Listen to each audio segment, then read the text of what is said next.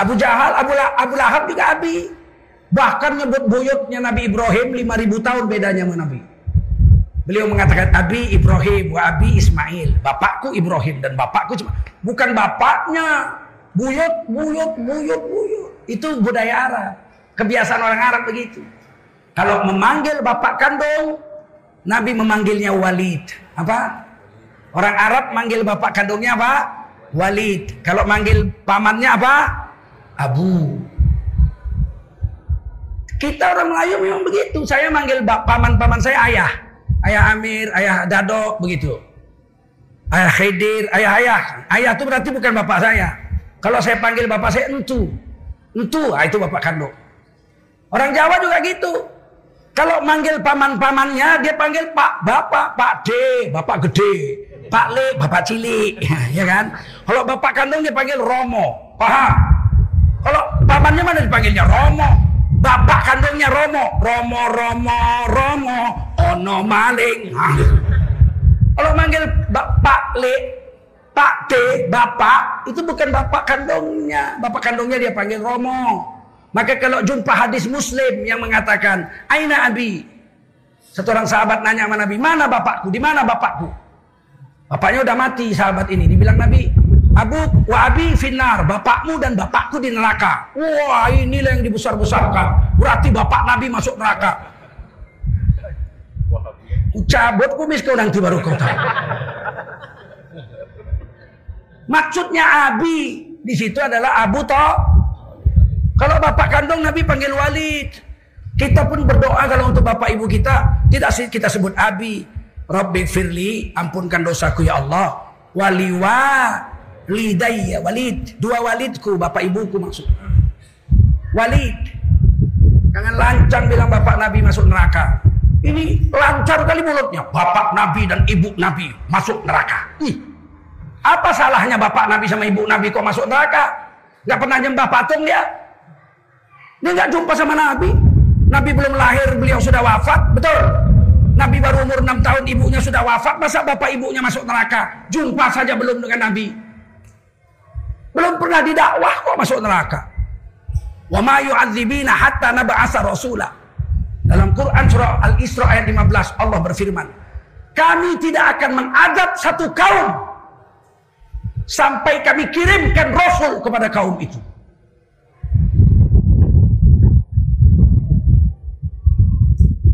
Lagi apa untungnya kita ceritakan bapak Nabi kafir masuk neraka, ibunya masuk neraka. Apa untungnya kita ceritakan itu? Menambah imankah? Menambah cintakah sama Nabi? Menambah banggakah? Jadi kenapa dicerita-ceritakan? Sedangkan ibunya Nabi Isa ditulis di Quran. Wa ummuhu siddiqah. Ibu Nabi Isa itu wanita yang siddiq. Siddiq itu satu derajat di bawah Nabi. Derajat manusia yang selamat di akhirat empat. Berapa?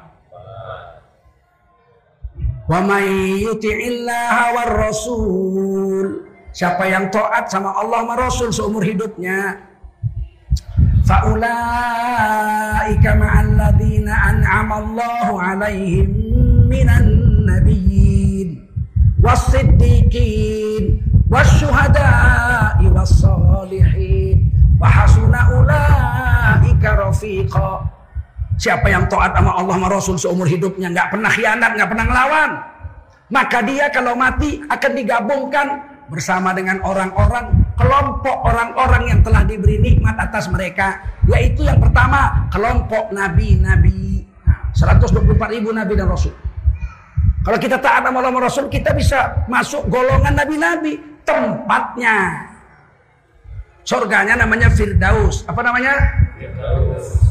Kita ini bisa masuk surga Firdaus. Bisa apa enggak?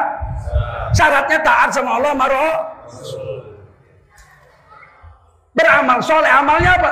diajari Nabi. Diajarkan Nabi amal-amal untuk kita orang Islam supaya kalau masuk surga ada delapan surga. Delapan surga. Nabi Adam diciptakan dimasukkan ke Jannatul Aden. Orang Kristen menyebutnya di Taman Eden. Nabi Adam dan Eva diletakkan Allah di Taman Eden. Nggak bisa bilang Aden, Eden. Eden bukan Edan.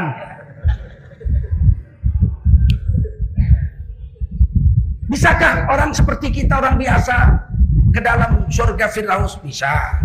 Satu amalan diajar Nabi. Al-mahiru bil Quran ma'asafaratil kiramil baroro. Orang yang mahir dengan Al-Quran. Dia kalau mati, surganya surga nabi-nabi dan rasul-rasul. Tetangga rasul-rasul kita.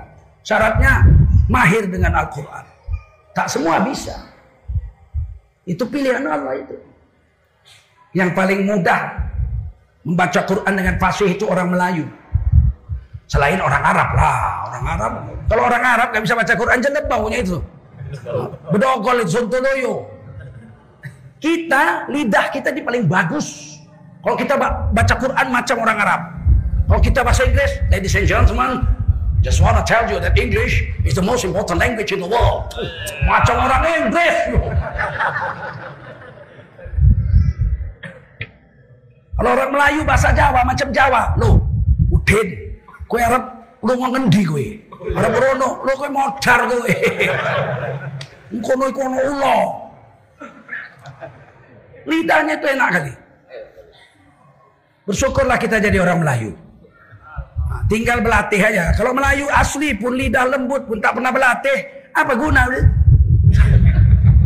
Berlatihlah ngaji lah dari kecil sampai mak mati masuk surga Firdaus Waladhi yaqra'ul Quran orang-orang yang membaca Quran wa tak nyangkut-nyangkut nggak lancar wa huwa alaihi syak. Lidahnya kelu.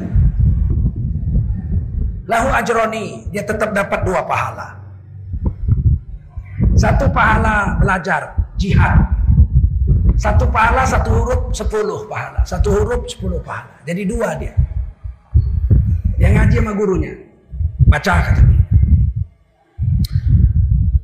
Pala hus salah itu. Pala salah kata gurunya. Pala eh Panya itu ada anginnya. Oh, pa lah. Bukan begitu kata gurunya. Makanya guru ngaji itu tidak perlu instruksi. Yang perlu contoh. Hehe, salah. Lihat, lihat, lihat mulut gurumu ini. Gigi atas kena ke bibir. Udah. Ada anginnya. Fa, fa, fala, fala begitu. Bukan pak, begitu. Ayo, begitu. Fala, ah. Mainkan. Fala, mm -mm, bagus. Terus. Fala iyalah terus. Fala uk la uk fala uk fa la fala pingsan gurunya. Darah tingginya kumat dia tetap dapat dua pahala. Si murid tetap dapat dua pahala satu pahala jihad belajar. Satu huruf yang dia baca itu fa 10 pahala, la 10 pahala 20, uk 40 pahala, fa la 60, uk 80, fa 90, la la udah 120, guru pingsan. Jadi nggak usah putus asa kita. Kita mau mendapatkan wasilah. Syukur-syukur bisa fasih, kita sebelum mati, kalau kita mati masuk surga fil. Ada amal lain yang bisa masuk Firdaus? Ada. Apa itu? Kata Nabi. Anta, ana, ana, kata Nabi, ana, aku, ana, wakafilul yatim hakada. Nah, jadi jari Nabi dirapatkan gini. Nabi mengatakan, ana, aku, wakafilul yatim hakada. Aku dengan orang yang mengurusi anak yatim begini di surga nanti. Oh, berarti tetangga. Maka kita minimal ada satu anak yatim yang kita urus. Nggak bisa di rumah kita paling tidak kita setiap bulan istiqomah mengantarkan uang ke panti asuhan untuk memelihara satu anak yatim. Tanya sama panti asuhan, anak yatim satu bulan makannya berapa? Tergantung pak, kalau ikan asin 200. Kalau empe-empe 350. Ya udah, setiap bulan saya tanggung 350 tiap bulan satu orang. Maka kita mati surganya bersamaan dengan Nabi.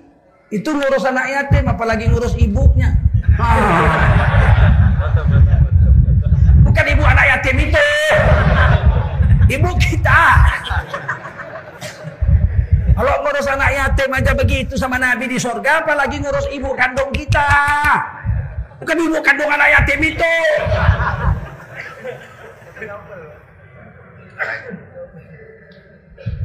Ibu kita udah tua, kita urusi dengan kasih sayang. Maka kita masuk surga. Seperti itu dengan Nabi Shallallahu Alaihi Wasallam. Amal paling besar sholat pada waktunya. As-salatu ala waktiha. Tidak ada lebih besar dari itu. Ai sholatul jama' jamaah fil masjid alladhi yu'adzanu bih. Fih. Kata Imam Ghazali dalam kitab Minhajul Abidin. Sholat pada waktunya adalah sholat berjemaah ke masjid.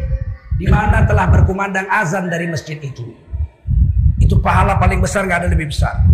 Kalau saudara-saudara bahwa bapak punya emas sebesar bola dunia, 40 ribu kilometer bulatnya, triliun, triliun, triliunan ton.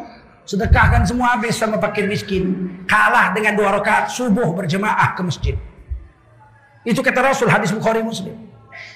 Qultu sumai kata Sayyidina Abdullah bin Mas'ud, apalagi amal yang sebesar setelah sholat berjemaah apa yang besar? Kata Rasulullah birrul walidain, berbuat baik kepada ibu bapak. Kalah pahala jihad. Jihad nomor tiga. Kita keluar perang melawan musuh yang memerangi Indonesia ini negara kita. Kita perangi misalnya negara kita diserbu Cina. Kita perang sampai mati. Nyawa kita terjabut. Nomor tiga. Kalah dengan ngurus ibu bapak dan kalah dengan dua rakaat sholat berjemaah ke masjid. Nggak main-main. Maka kita jangan sia-siakan bapak ibu kita. Ini orang modern di sekarang Sekolahkan bapak ibunya jadi dokter begitu kaya, bapak ibunya tua dikirimnya ke panti asuhan. Panti jompo. Susah kali pun mama bapak. Udah ada kirim aja, kita duit banyak. Saya ini pernah bertemu sepasang suami istri yang sudah tua, pangkatnya kolonel, pensiunan kolonel, tentara. Beliau tuh kaya raya, bapaknya dulu orang kaya. Tiba-tiba udah tua diantar ke panti asuhan. Memang panti asuhannya mewah. Kamarnya dikasih AC, dikirim duit 10 juta tiap bulan sama anaknya. Dan dia hanya boleh pulang ke rumah anaknya itu hari raya saja lebaran. Di situlah dia kumpul. Itu pun cucu-cucunya tak boleh dekat. Takut ketularan penyakit. Orang tua banyak penyakit. Di mana dia kumpul sama bapak ibunya? Di panti asuhan itu. Bukan dibawa pulang ke rumah anaknya. Sehingga waktu kami datang dia bilang saya bilang bapak nggak punya anak oh anak saya kaya. Dua dokter dari Inggris kaya raya perusahaan saya diteruskan oleh anak-anak saya sehingga lebih kaya dari saya anak-anak saya. Kenapa bapak ibu sini dibuang orang tuh? Orang tuh datang lebaran sini bawanya anak-anaknya cucu-cucuku. Kami kalau lebaran sama istri kami pergi kami ke hotel, sembunyi kami di situ. Tiga hari kami nggak pulang-pulang. Udah pulang anak-anak kami itu baru kami balik ke panti asuhan. Kami tidak sudi jumpa dengan anak kami itu. Betapalah besarnya durhaka anak itu. Gak sudi kami jumpa lagi sama anak-anak kami itu. Dibakarnya tiketnya masuk surga bodohnya orang manusia. Satu hari Nabi Musa berdoa. Nabi Musa kalimullah. Ini termasuk Rasul Ulul Azmi. Setelah Nabi Ibrahim, Nabi Musa, dia doa. Beliau doa, Ya Allah, siapakah kawanku di surga nanti? Yang bercengkrama-cengkrama dengan aku di sorga. Siapakah dia? Langsung dijawab Allah. Nabi Musa kalimullah bisa bicara-bicara dengan Allah. Dijawab Allah. Kawanmu di sorga seorang pemuda yang jual daging di kampung sana. Ya. Heran Nabi Musa. Kok kawanku bukan ulama besar? Hah? Kenapa ulama besar kawanku kan pantas ini tukang jual daging. Hah? Besoknya datang Nabi Musa ke kampung itu. Dilihatnya ada anak muda sedang jual daging di pasar. Namanya si Anu kata. Dilihat Nabi Musa dari jauh. Dia jual daging. Di sampingnya ada bakul besar. Dari rotan lah kalau di sini ya, di sana. Sebentar-sebentar dibukanya tutup bakul itu. Ketawa-ketawa dia dengan bakul itu. Dan itu dia jual daging lagi. Entar-entar dia buka tutupnya.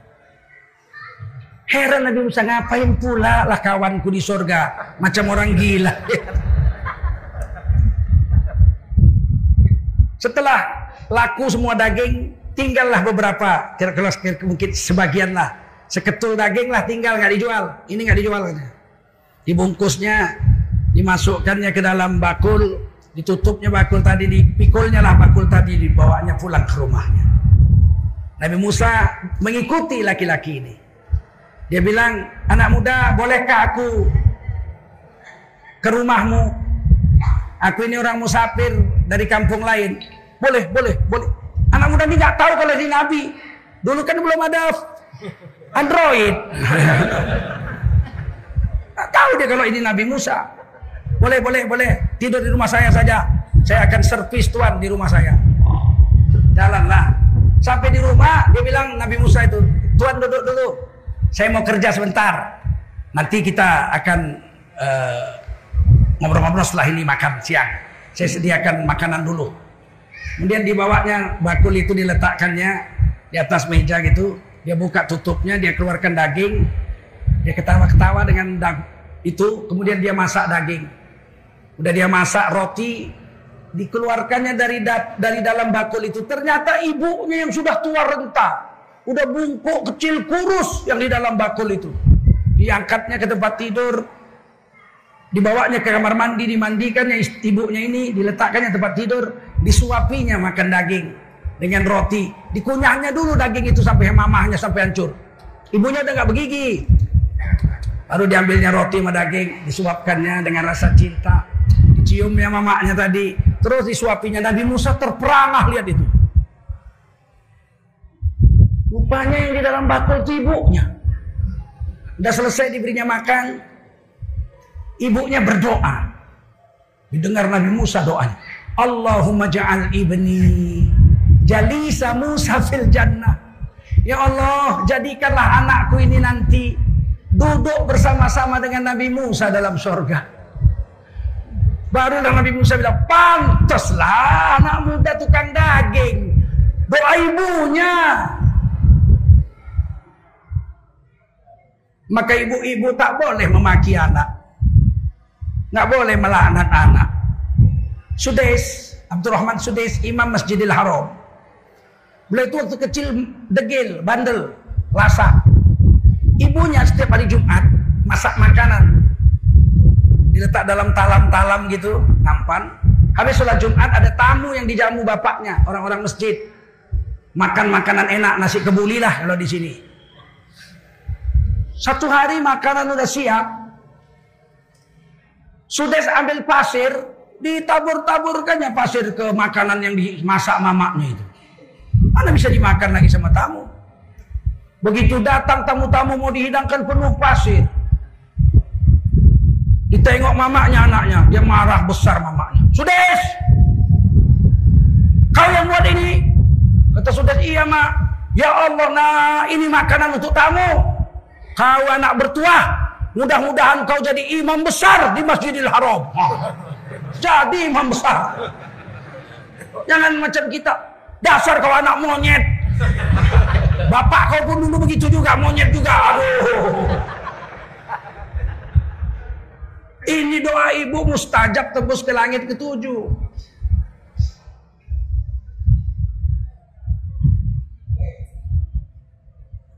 Bisa kita di surga Firdaus ngurus anak yatim.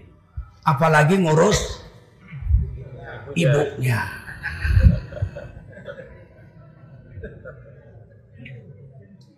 Kemudian Nabi Isa alaihissalam. Nabi Musa berdakwah kepada bapak angkatnya yang memelihara dia, Fir'aun. Fir'aun ngaku Tuhan, sampai mati ngaku Tuhan. Pas nyawa mau dicabut, barulah dia ngaku dia bukan Tuhan. Jadi Fir'aun sempat juga mengakui Tuhan yang betul-betul Tuhan adalah Allah. Tuhannya Bani Israel. Padahal siapa saja nggak taat sama dia dibunuhnya. Begitu dia kejar itu 700 ribu Bani Israel 600 sampai 700 ribu menurut katib menurut tafsir kitab tafsir Durul Mansur 600 sampai 700 ribu Bani Israel yang dikejar-kejar nggak bawa senjata nggak ada bawa apa-apa. Sampai pinggir laut merah laut di depan kanan gunung kiri gunung belakang Fir'aun dengan tentaranya. Tentara dulu yang paling depan tuh jenderalnya. Kalau sekarang kan prajurit paling depan jenderal belakang. Perang katanya dia makan ayam goreng. Ya mati ya memang begitu dah resikonya ngomong begitu kok dia jangan dibesar-besarkan udah mati sudah biar aja mati jangan besar giliran dia kena tusuk ribut sedunia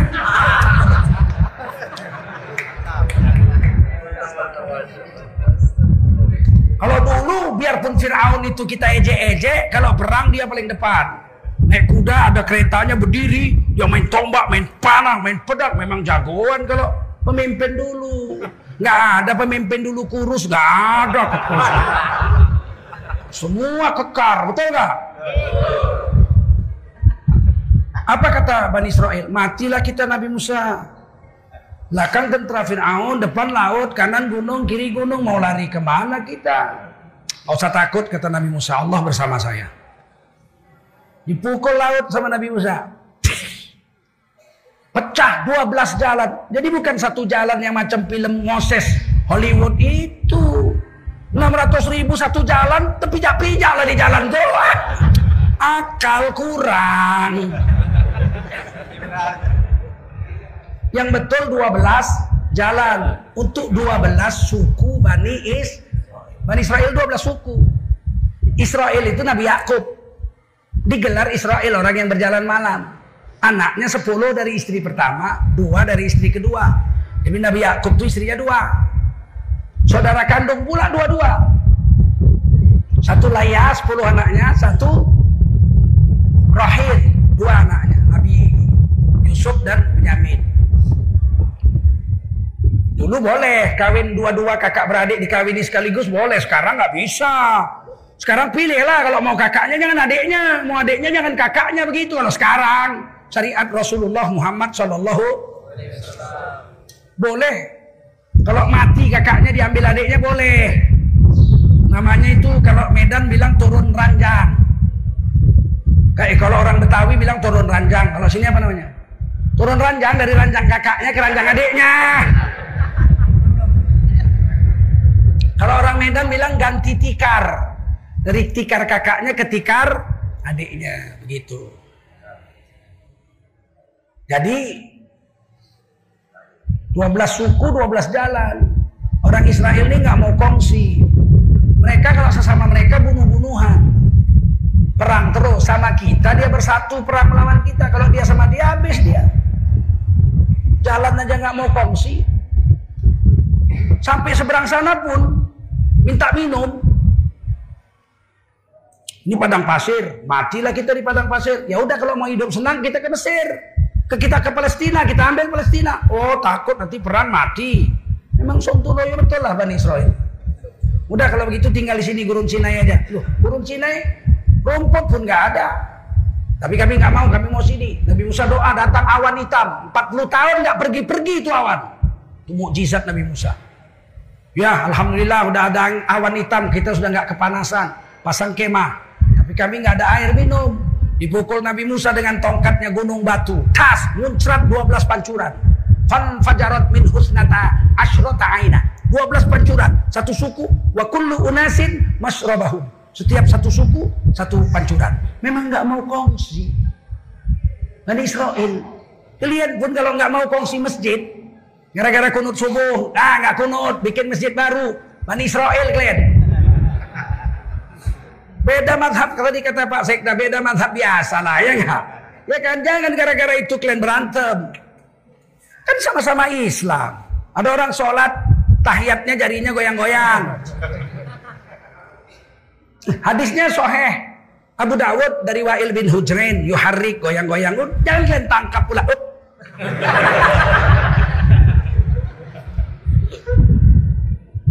Datang yang satu yuharrik 20 hadisnya soheh. Isyarat saja.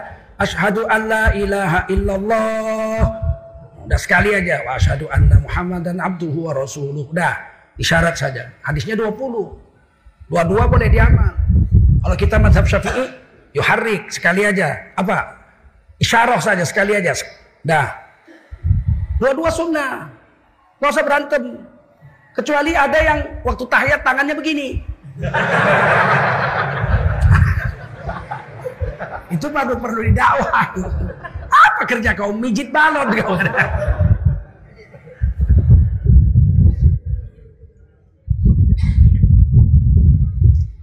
Yang terakhir Nabi Muhammad Shallallahu Alaihi Wasallam. Nah, Nabi mengajarkan pada kita yakin sama Allah, yakin sama Allah. Jangan yakin sama makhluk. Kalau berharap sama makhluk, bisa berhasil, bisa gagal. Kalau berharap sama makhluk, lebih sering kecewa daripada bahagia. Jangan berharap sama makhluk. Kalaupun minta tolong sama makhluk, ala kadarnya saja. Didapat lumayan, alhamdulillah. Nggak didapat sudah. Jangan berharap. Jangan percaya dengan kekuatan sendiri. Imam Bukhari doanya begitu, ya Allah. Jangan kau serahkan aku pada diriku walau sedetik. Masya Allah. Kalau kita diserahkan Allah urus diri sendiri, hancur lebur manusia. Kita ini harus selalu di bawah Rabbul Alamin yang mengatur alam semesta. Setiap hari, minasyaitonirrajim. Sama setan berlindungnya sama Allah. Jangan sok mau lawan setan. Mana setan? Mau saya lawan. Mana? Mana? Dia nggak nampak. Dia nampak kita, kita nggak nampak dia. Satu-satunya jalan supaya selamat dari setan. Berlindung kepada Jangan sok jago. Kata Nabi, laki-laki dengan perempuan kalau berdua-dua, maka setan adalah orang yang ketiga. Jangan sok jago saya. Kalau sama perempuan aman. aman dua menit. Lebih lima menit udah mulai. Muka jelek. Tapi dada oke okay juga. Namanya setan, betul. Usah sok jago. Nabi diajarkannya lah kepada kita bagaimana hidup selamat. Pertama yakin kepada Allah. Dan yakin sama makhluk. Hari ini kita nggak ngerti bahwa yang paling kuasa itu Allah. Allah maha kuasa melakukan sesuatu tanpa sebab. Laut dipukul tongkat pecah 12 jalan. Kan nggak pakai sebab itu. Fir'aun lihat Bani Israel nyebrang 12 jalan sampai ke seberang Fir'aun sampai. Sap kan dia paling depan. Sup heran dia. Loh kemarin-kemarin dah ada jalan kok hari ini ada jalan?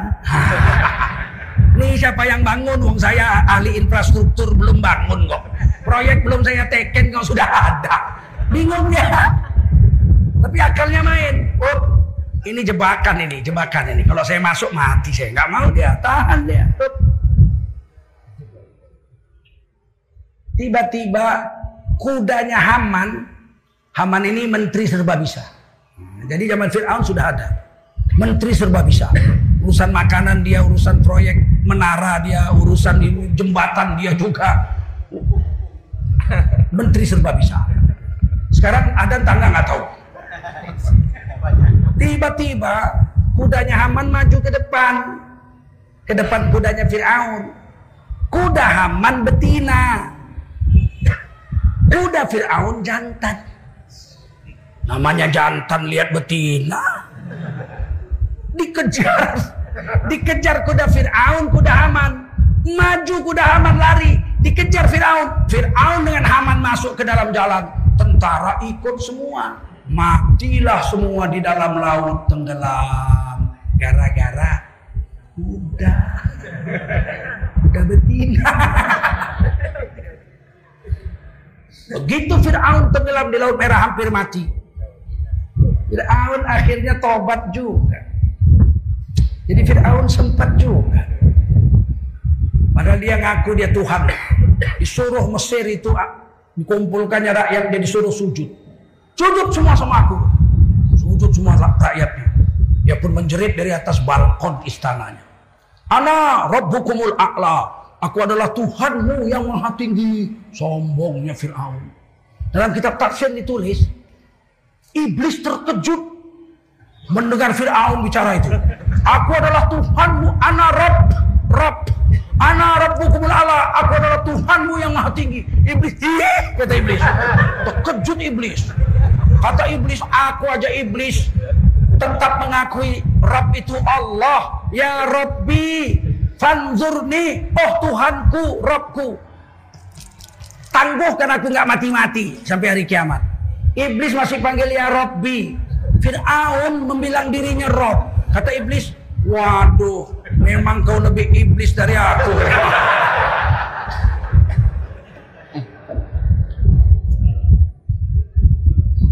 Ngeri Fir'aun ini.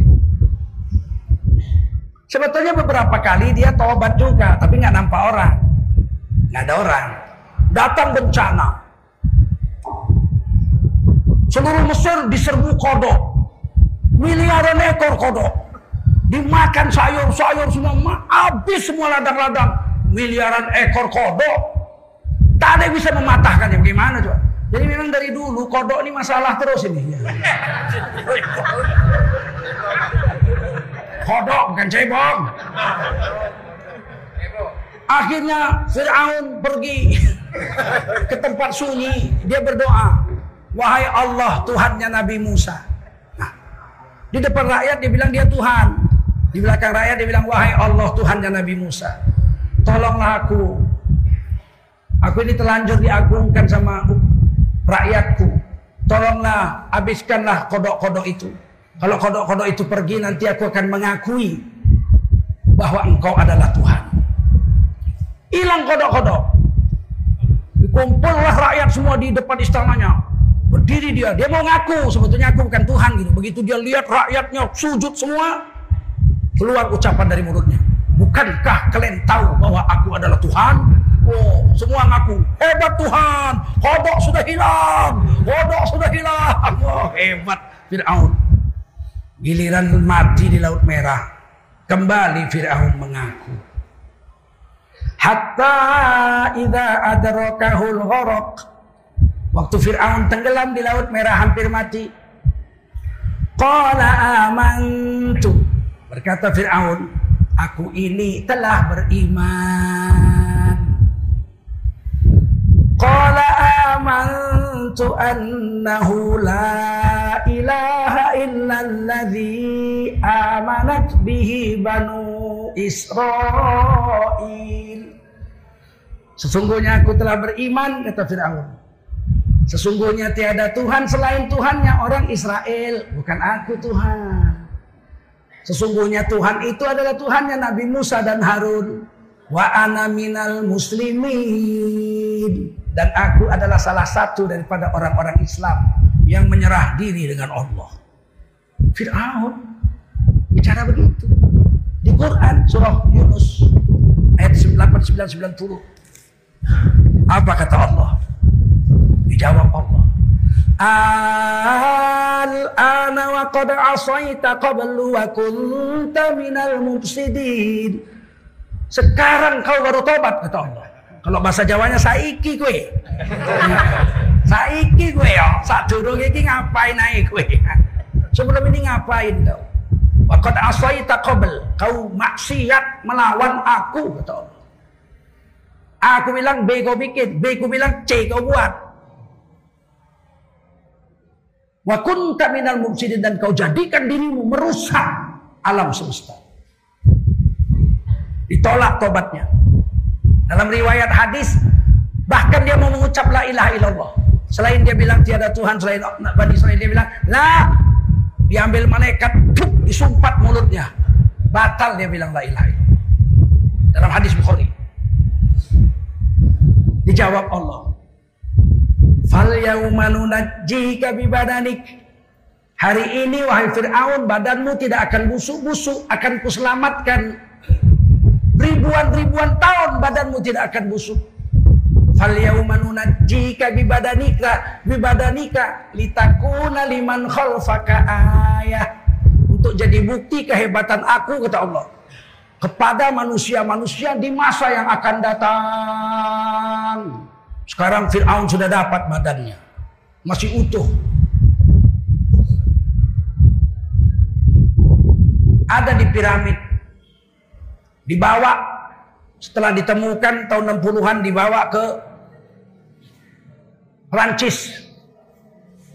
Diotopsi. Ternyata yang mengotopsinya namanya dokter Profesor Dr. Maurice Buchel.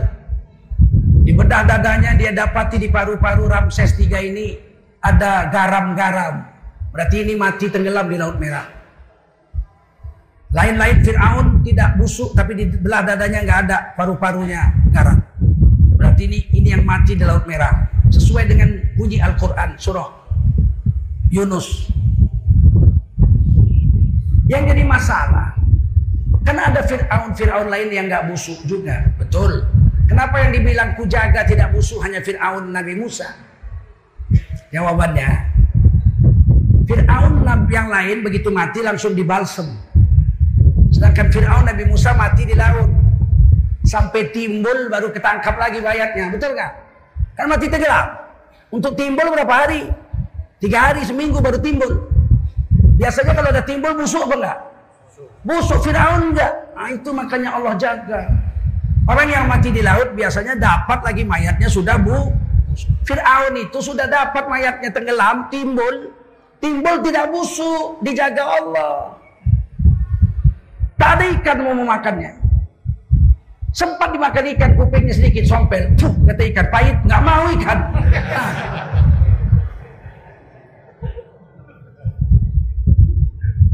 Meskipun Nabi Musa dipelihara Fir'aun. Bapak angkat Fir'aun malah menolak Islam. Mengaku Tuhan. Nabi Musa tidak disebut Allah. Nabi yang gagal. Nabi Musa alaihissalam disebut Rasul Ulul Nabi Isa sejak bayi sudah bicara.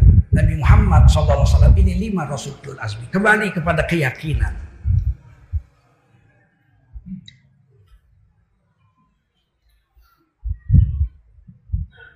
Semua nabi-nabi diajar zikir. Zikir yang terkenal semua nabi-nabi dari Nabi Adam sampai hari kiamat. Subhanallah. Itu zikir sejak zaman Nabi Adam. Nabi Adam diciptakan dari tanah. Entah berapa miliar tahun baru jadi manusia daging kulit ini hanya Allah yang tahu. Setelah jadi tubuhnya ditiupkan roh. Diup, roh itu dari kepala ditiup. Makanya nanti cabutnya dari kepala juga. Maka mati manusia itu kan selalu matanya itu ikut ke atas. Karena dia melihat rohnya dicabut. Begitu ditiupkan roh sampai ke keningnya, sampai ke matanya Nabi Adam langsung matanya gerak-gerak gini. Berarti manusia itu sifatnya memang kepingin tahu. Langsung malaikat-malaikat yang menyaksikan itu menyebut Subhanallah. Maha suci Allah. Sampai ruh, sampai ke hidung Nabi Adam bersin. Kata Allah, Adam kul Alhamdulillah. Ucapkan Alhamdulillah. Nabi Adam mengucapkan Alhamdulillah. Jadi subhanallah walhamdulillah itu sudah ada sejak zaman Begitu roh sampai ke tapak kaki ditiup. Bergerak Nabi Adam. Seperti kita ini lincah gitu. Langsung semua Nabi malaikat-malaikat mengucapkan Allahu Akbar kepada Allah SWT. Allahu Akbar memang hebatlah. Allah Maha besar itu. Jadi zikir itu sudah ada sejak dulu. Subhanallah walhamdulillah wala ilaha la ilaha illallah itu sudah tertulis di kaki aras. Sehingga Nabi Adam waktu turun ke dunia doa berwasilah, ya Allah muliakan aku. Lindungi aku, bukan minta ampun dosa. Inilah kadang-kadang kita. Nabi Adam katanya sampai ke dunia berdosa. Yang bilang Nabi Adam berdosa makan buah khuldi itu orang Kristen. Setelah memakan buah itu berdosalah Nabi Adam dan istrinya Eva. Turun ke dunia membawa dosa warisan kepada anak cucunya. Nah, itu Kristen. Kita ucapkan lakum dinukum waliadin. Kita nggak campur itu. Kalau kita mengatakan tak ada pohon tak bergetah kecuali meskipun tak ada pohon tak bergetah meskipun birah dengan keladi. Tak ada insan yang tak bersalah kecuali Rasul dengan Nabi. Kalau Rasul maksum tidak berdosa. Nabi Adam makan buah itu nggak berdosa. Justru dimakan buah itulah Nabi Adam dikirim ke dunia. Betul. Menjadi khalifah. Kalau nggak dimakan tinggal di surga kita nggak lahir. Padahal sebelum kita sebelum Nabi Adam diciptakan sudah dijanjikan jadi khalifah di dunia. Nabi Adam belum ada wa iz qala rabbuka lil malaikati inni ja'ilun fil ardi khalifah jadi khalifah di dunia. Nabi Adam tahu kalau aku makan itu jadi khalifah, kalau enggak enggak jadi khalifah dimakan. Dan turunnya Nabi Adam ke dunia tidak terkutuk. Kalau iblis turun ke dunia terkutuk. Fakhruj minha. Keluar kau iblis dari surga ini kata Allah. Fa innaka rajim. Sesungguhnya engkau terkutuk sampai hari kiamat. Iblis turun terkutuk. Nabi Adam turun terbaik harinya. Hadis Bukhari, khairul yaumi tala'at alaihi syamsu yaumul jumu'ah. Hari terbaik yang pernah disinari matahari adalah hari Jumat. Dari pertama bumi diciptakan sampai hari kiamat. Kenapa hari Jumat hari terbaik? Rasulullah menceritakan empat alasan Jumat hari terbaik. Empat-empatnya nyambung sama Nabi Adam. Fihi khuliqa Adam. Fihi khuliqa Adam. Hari Jumat itu terbaik karena Nabi Adam diciptakan hari Jumat. Wa fihi udkhilal jannah. Hari Jumat hari terbaik karena Nabi Adam dimasukkan ke surga hari Jumat. Wa fihi ukhrija minha. Hari terbaik hari Jumat Nabi Adam diturunkan ke dunia pada hari Jumat. Hari terbaik dan hari Jumat Nabi Adam wafat. Enak aja bilang Nabi Adam berdosa. Nanti ditampar Nabi Adam. Nabi Adam itu di hari kiamat sebelum hisap ditegakkan. Nabi Adam diberi kesempatan oleh Allah mengambil setiap seribu manusia, ambil satu masuk surga. Tanpa hisap.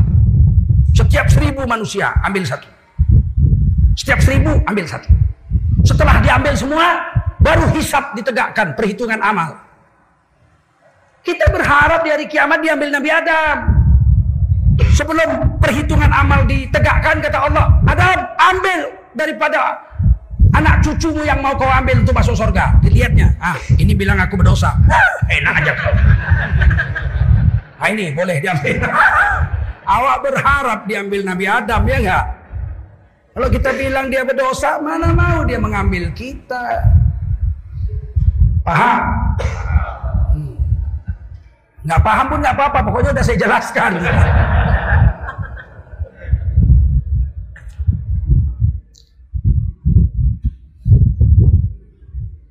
Ah.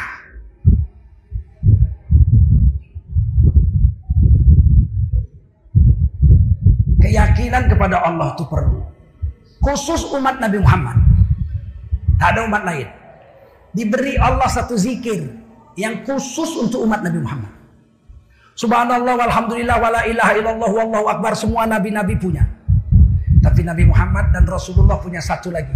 La haula wala quwata illa billahil aliyyil azim. Coba semua. La haula wala quwata illa billahi al aliyyil azim. Orang Islam udah haji aja salah nyebut ini. Ada lah kalau kalau kata ila billah. Ananggap enteng Glenn.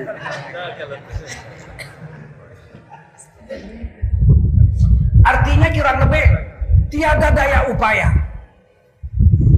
Tidak ada daya upaya, tidak ada kekuatan kecuali dengan Allah Subhanahu Jadi kita ini sebetulnya cuman ikhtiar aja, hasil serahkan Allah. Jangan kita anggap kalau kita udah usaha pasti berhasil. Berhasil atau tidak urusan Allah. Urusan kita hanya berusaha. Faidah azamta Fatawakal Allah, buat aja. Habis itu serah sama Allah. Rumusnya dalam Islam, kerja sungguh-sungguh. Ditambah dengan doa sungguh-sungguh. Hasilnya sama dengan tawakal. Kalau orang-orang kafir yang PKI PKI komunis-komunis kerja sungguh-sungguh berhasil. Nah, itu rumus dia. Kita kerja sungguh-sungguh nggak boleh main-main kerja. Allah menciptakan kita aja sungguh-sungguh. Bukan asal-asalan.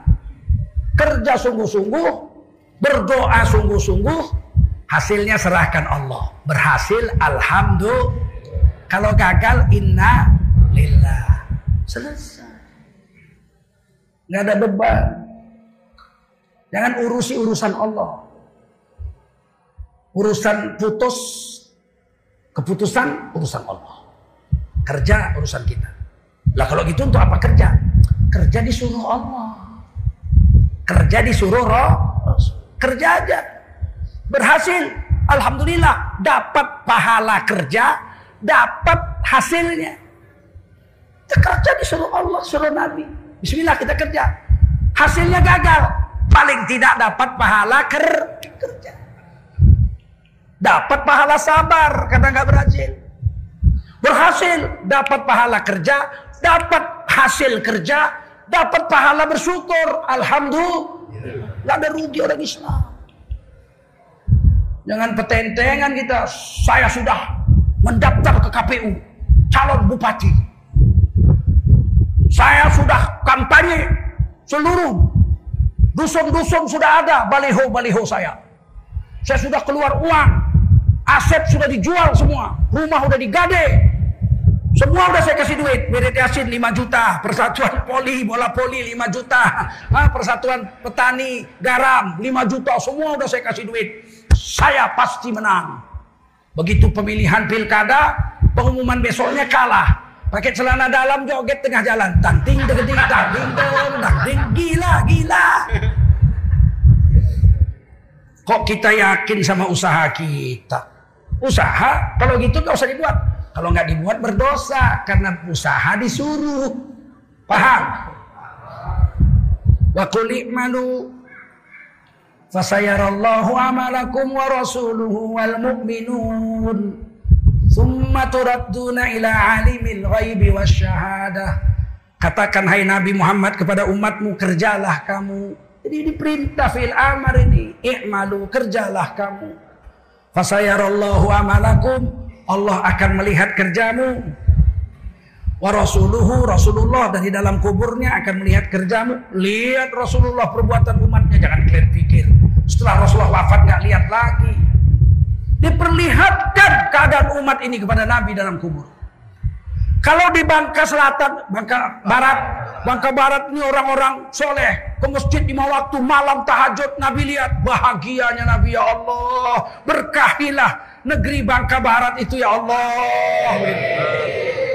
Tapi kalau dilihatnya satu kampung malam joget sampai pagi Iwak ke kanan, ke kanan, ke kanan dan ke kanan, ke kiri, ke kiri, ke kiri dan ke kiri. Oh, sakitnya tuh di sini, sakitnya tuh di sini. Makan sayur kul campur daging anjing. Dilihat Nabi sedih, Nabi ya Allah kok umatku macam monyet begitu. Siapa menyakiti Rasulullah, dia menyakiti Allah. Wa rasuluhu wal mu'minun. Orang beriman lihat kerja kita menilai kerja kita. Ibnu Kasir, Imam Ibnu Kasir menulis dalam tafsir Ibnu Kasir surah At-Taubah ayat 105. Ada dua hadis dikemukakan Turmidi dengan Abu Dawud. Dengar baik-baik hadis itu. Setiap malam bapak ibu kita diberi kesempatan melihat anak-anaknya di dunia. Menyaksikan perbuatan anaknya. Kalau anaknya di Bangka Barat malam itu bangun, buang air kecil, wudhu, kemudian sholat tahajud, berdoa. Bapak ibunya menangis dalam kubur sambil bahagia. Bapak ibunya berdoa, Ya Allah, peliharalah terus anakku dalam hidayahmu seperti ini. Sampai dia mati tetap dalam hidayahmu. Tapi kalau anaknya di Amerika malam main judi, di Las Vegas joget-joget, berzina, dia lihat, menangislah bapak ibunya berdoa, ya Allah, jangan matikan anakku dalam keadaan durhaka seperti ini. Berilah hidayah kepada anakku dan matikanlah anakku dalam hidayahmu. Saya berulang-ulang baca ini nggak tahan saya, pasti menangis. Ya Allah, kalau aku berbuat jahat malam ini, kecewalah bapak ibuku di dalam kuburnya. Dia lihat Allah Zulkarnain, capeklah aku dulu nak membesarkan kau nak. Kau isap air susuku sampai kering. Nggak tidur aku nunggu kau waktu sakit. Hari ini kau malah main judi pula lah nak. Berjoget pula lah kau sama bini tetanggamu nak. Ya Allah berilah hidayah petunjuk sama anakku. Janganlah anakku mati dalam keadaan durhaka. Matikan dia dalam keadaan mendapat petunjuk darimu. Enggak sia-sialah Imam Ibnu Katsir menuliskan hadis ini dalam tafsir beliau surah At-Taubah ayat 105 ini. Kita disuruh berbuat. Hasil serahkan Allah. Sholat kita jaga, semua perintah kita jaga. Biarpun orang-orang mengejek kita. Alah, kau sholat, nunggang, nungging, nunggang, nungging. Belum tentunya kau masuk surga. Jangan berhenti kita sholat. Cuma kau sholat nunggang, nungging. Tidak jaminan kau masuk surga. Betul lah. Masuk surga kan karena kasih sayang Allah. Nggak ada jaminan orang sholat masuk surga. Orang sholat aja nggak dijamin masuk surga, apalagi orang tak sholat.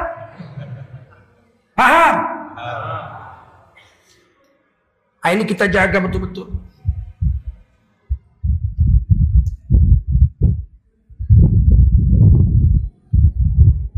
Kalau ada masalah, usaha boleh dibuat. Usaha ini kadang berhasil dengan izin Allah. Kadang tidak berhasil karena Allah tidak izin. Mesti begitu. Jangan kita bilang asal usaha berhasil. Saya ini kerja cari makan. Ya bikin aja. Tahu-tahu udah kerja nggak dapat duit.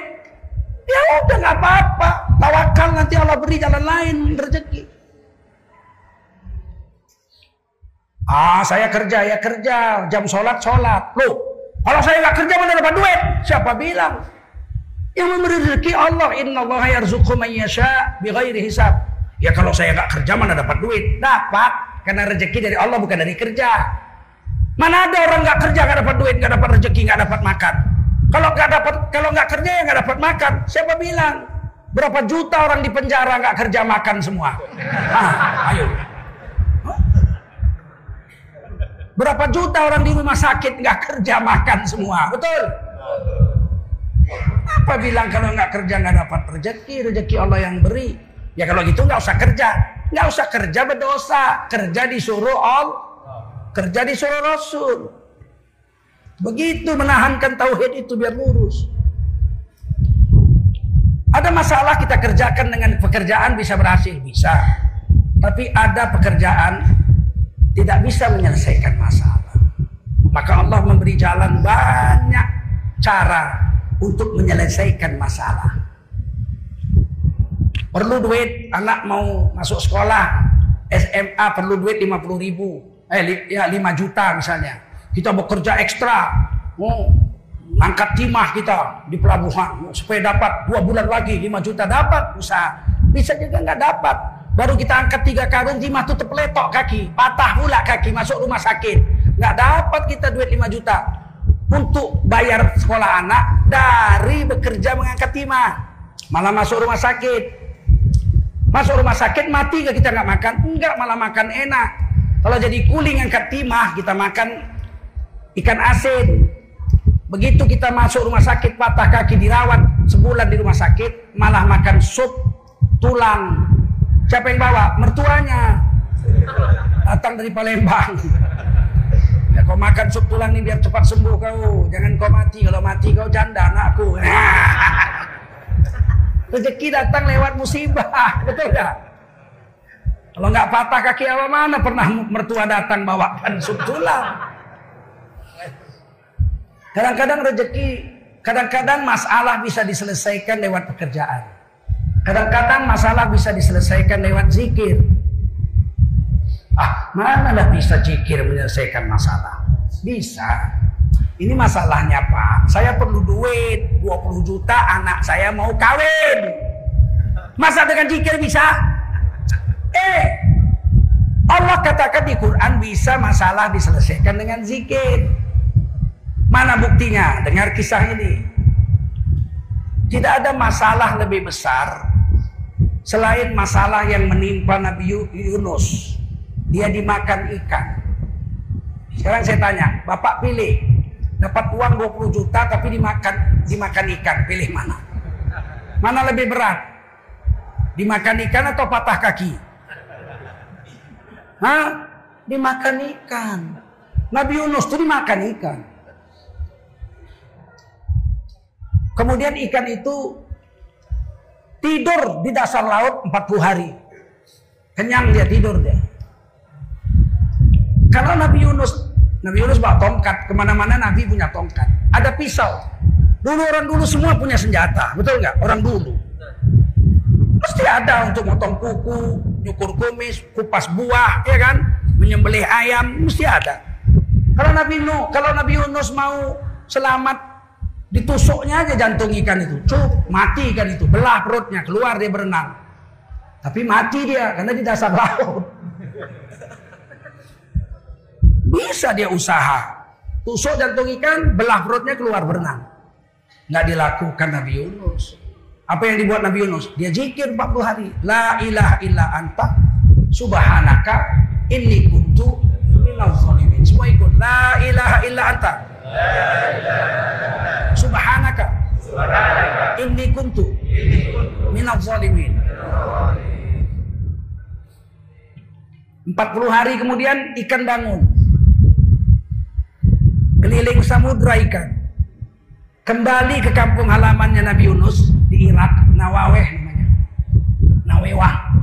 Dimuntahkan Nabi Yunus pinggir laut.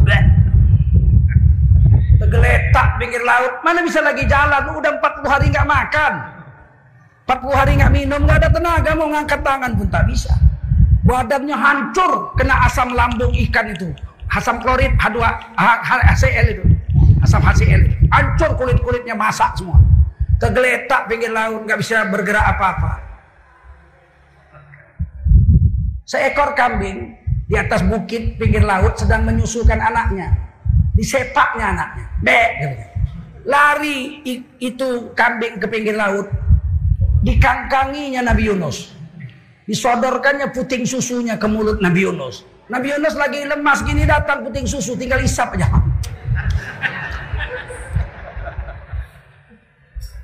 Udah kenyang, pergi kambing itu. Makan rumput, dikasihnya minum anaknya. Sekian jam kemudian turun dia. Dikangkanginya lagi Yunus. Nabi Yunus salam diminum Nabi Yunus susunya.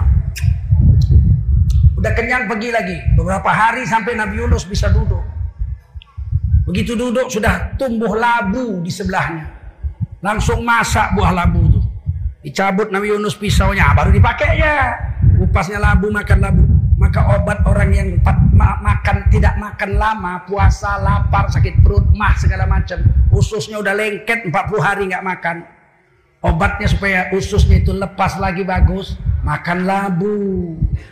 Makan kulit-kulit kita berkurap, banyak kudis-kudis, minum susu kam. Nah, coba hebatnya itu dengan zikir 40 hari la ilaha illa anta subhanaka inni kuntu minadh.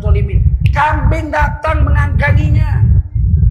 Ditinggalnya anaknya. Coba kita, ada kambing nyusukan anaknya, buang anaknya. Tidur di bawahnya, kalau nggak dipijak-pijaknya gitu. Ternyata masalah selesai dengan jikir, betul. Tapi sungguh-sungguhlah jikirnya. Saya pernah naik bus waktu SMP. Dari Medan ke Jakarta 13 atau 12 hari. Jalan masih tanah. Daerah-daerah Jambi ini masih tanah. Nyebrang sungai itu masih pakai rakit. Beberapa bus masuk ke dalam sungai Batanghari itu. Mati satu bus semua. Namanya saya anak muda bertualang mau aja saya pergi aja. Sampai Bukit Tinggi berhenti. Sejuk Bukit Tinggi waktu itu ya tahun 80. Sejuk. Saya pakai jaket dingin. Habis sholat subuh saya Berhenti lama bus itu di stasiun Bukit Tinggi. Saya jalan sana jalan sini enak sebetulnya dingin betul. Terus saya naik ke bus, duduk paling depan saya kursi depan. Udah naik semua penumpang, belum juga datang supirnya. Tiba-tiba saya dengar ada zikir dari pintu belakang. Lagunya masih ingat saya sampai sekarang. Subhanallah walhamdulillah wala ilaha illallah wallahu akbar. Subhanallah walhamdulillah wala ilaha illallah wallahu akbar. Subhanallah. Nengoklah saya ke belakang. Siapa ini? Rupanya orang minta sedekah, orang buta. Subhanallah. Alhamdulillah. Subhanallah. Semua ngasih. Gitu turun dari pintu depan ikut saya turun. Pak aku pak. Ay, kau nanti dibuat. Tidak ada kerja lain. Ah, kalau mengemih lah, mengemih. Mana dapat sehari? Dapat jual bom 40 ribu, 50 ribu sehari. Ya, itu mak. Ongkos sawah dari Medan ke Jakarta aja 23 ribu waktu itu. Dia sehari jikir main-main.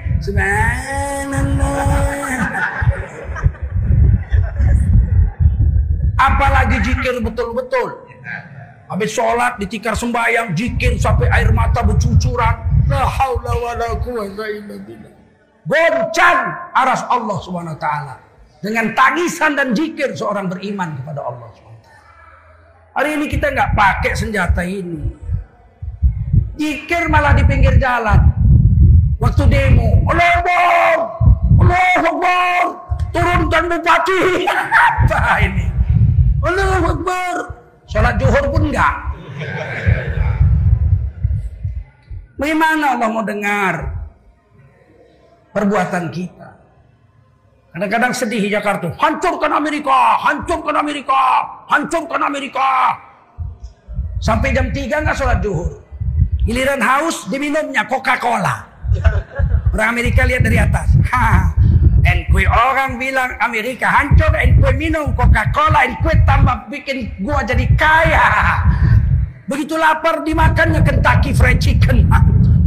Apa yang kau mau hancurkan Amerika? makanannya kau makan. Hari ini kita nggak paham hidup ini. Selesaikan masalah dengan zikir. Selesaikan masalah dengan sholat. Sholat menyelesaikan masalah. Selesaikan masalah dengan sedekah. Wadawu mardokum bisodako. Obati penyakitmu dengan bersedekah. Kita sedekah, Allah sedekah sama kita. Anfik, yunfik ilaih. Kau sedekah, Allah sedekah padamu. Satu kau beri sama orang miskin, sepuluh Allah beri kepadamu. Satu kau beri sama orang sengsara, tujuh ratus diberi Allah kepadamu. Nah kalau kita buat amalan-amalan ini, insya Allah semua persoalan kita diselesaikan Allah. Siap untuk itu? Siap. Ya. Yang terakhir itu takwa. Buat yang dibuat, yang dimaukan Allah saja. Nggak Allah mau jangan buat. Mau makan. Ini mau saya makan. Kalau saya makan Allah suka sama saya enggak? Ini kari anjing. Oh, nggak bisa. Allah nggak suka. Oh, ini kari kambing. Cocok makan. Jadi ukurannya Allah. Paham? Itu namanya takwa. Kalau kita bertakwa dijanjikan Allah wa makhraja. Siapa bertakwa Allah selesaikan seluruh kesulitan hidupnya. Wa yarzuqhu min yahtasib. Allah siapkan jalan keluar dari kesulitan hidup bonusnya Allah beri rezeki dari jalan yang tidak disangka-sangka. Udah dibilang Allah begitu. Tuanku Imam Bonjol ditangkap Belanda. Dibuang ke Minahasa sana. Manado. Dikurung di satu rumah kecil. Dijaga sekeliling rumah itu sama ofisir Belanda. Kalau keluar tembak mati. Setiap mau sholat atau mandi, beliau turun ke bawah sungai. Curam di bawah itu ada sungai, airnya jernih. Dan kalau beliau sholat di dalam rumah, lantainya tanah. Kalau lembab ya lembab, basah. Entah apalah doa beliau. Tiba-tiba batu besar dari dalam sumur, dari bawah sungai sana. Pindah ke dalam rumahnya. Pintu kecil, jendela kecil, batu segitu besar bisa masuk. Jangan tanya masuk dari mana. Maka beliau akhirnya sholat di dalam rumah itu di atas batu sungai yang pindah dari atas dari bawah sungai ke dalam rumahnya. Dari mana jalannya bisa pindah batu sebesar itu ke dalam rumah?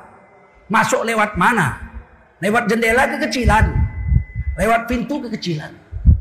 Lantai rumahnya itu jadi batu sungai yang pindah dari bawah jurang sana. Itu masih bisa kita lihat, nggak usah kita cerita zaman sahabat Nabi, zaman Rasulullah. Zaman sekarang masih bisa kita lihat dengan mata kepala kita. Bagaimana Allah menyelesaikan kesulitan orang beriman dan bertakwa kepada Allah Subhanahu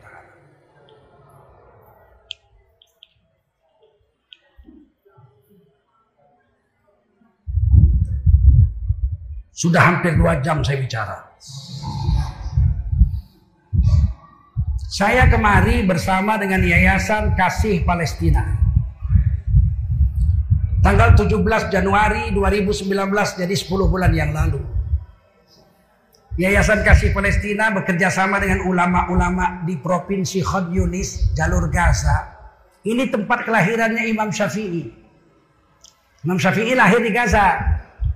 Bapak beliau wafat ketika beliau dalam kandungan. Setelah lahir dibawa ibunya pulang kampung ke Mekah.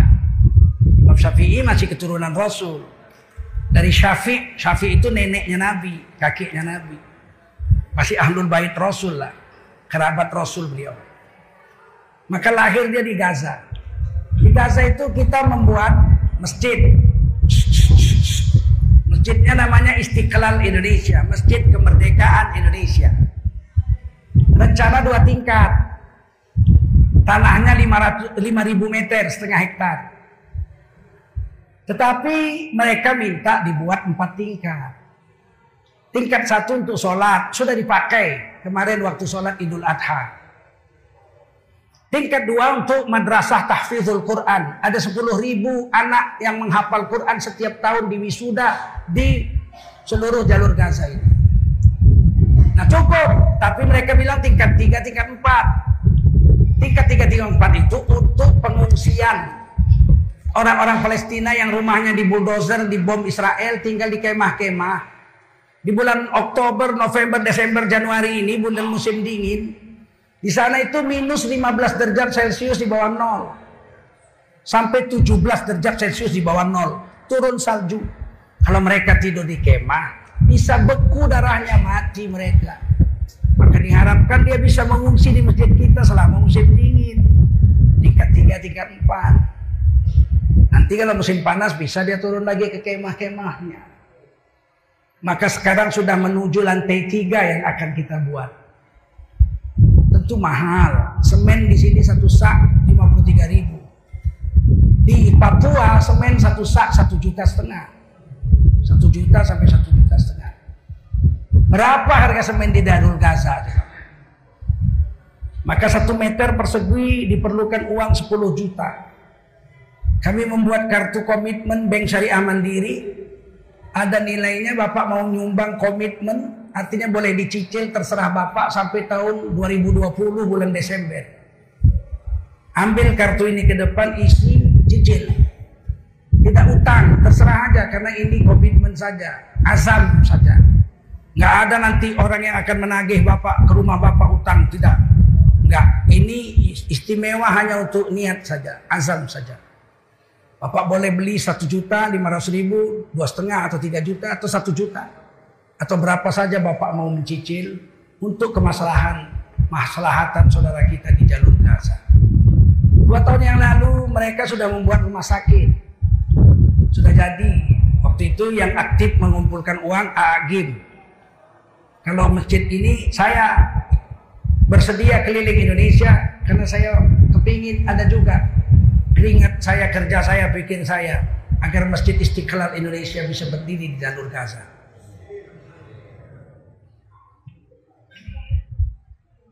Silakan ke depan nanti untuk menyumbang atau kita ambil juga yang sedikit.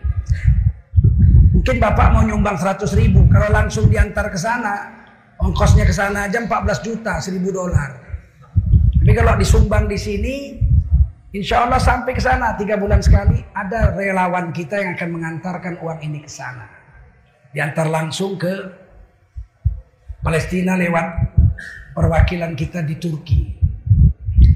Nah, musim dingin ini nanti bulan 12 kita akan kirim lagi uang yang sudah terkumpul. Selama tiga bulan sekali kita antar. Maka bapak-bapak silakan nyumbang. Sudah jalan itunya belum? Bakulnya, bakulnya. Dari mulai sana satu, dari belakang satu, dari samping satu.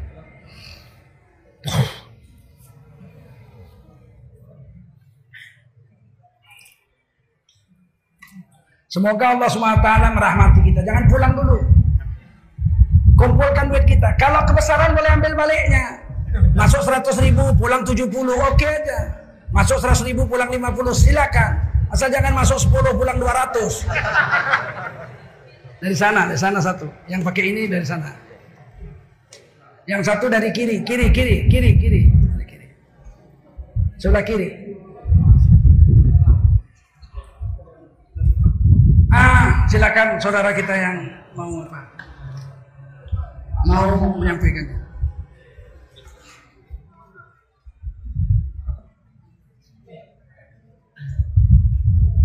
Mana? Mana dia? Ini, ini, ini.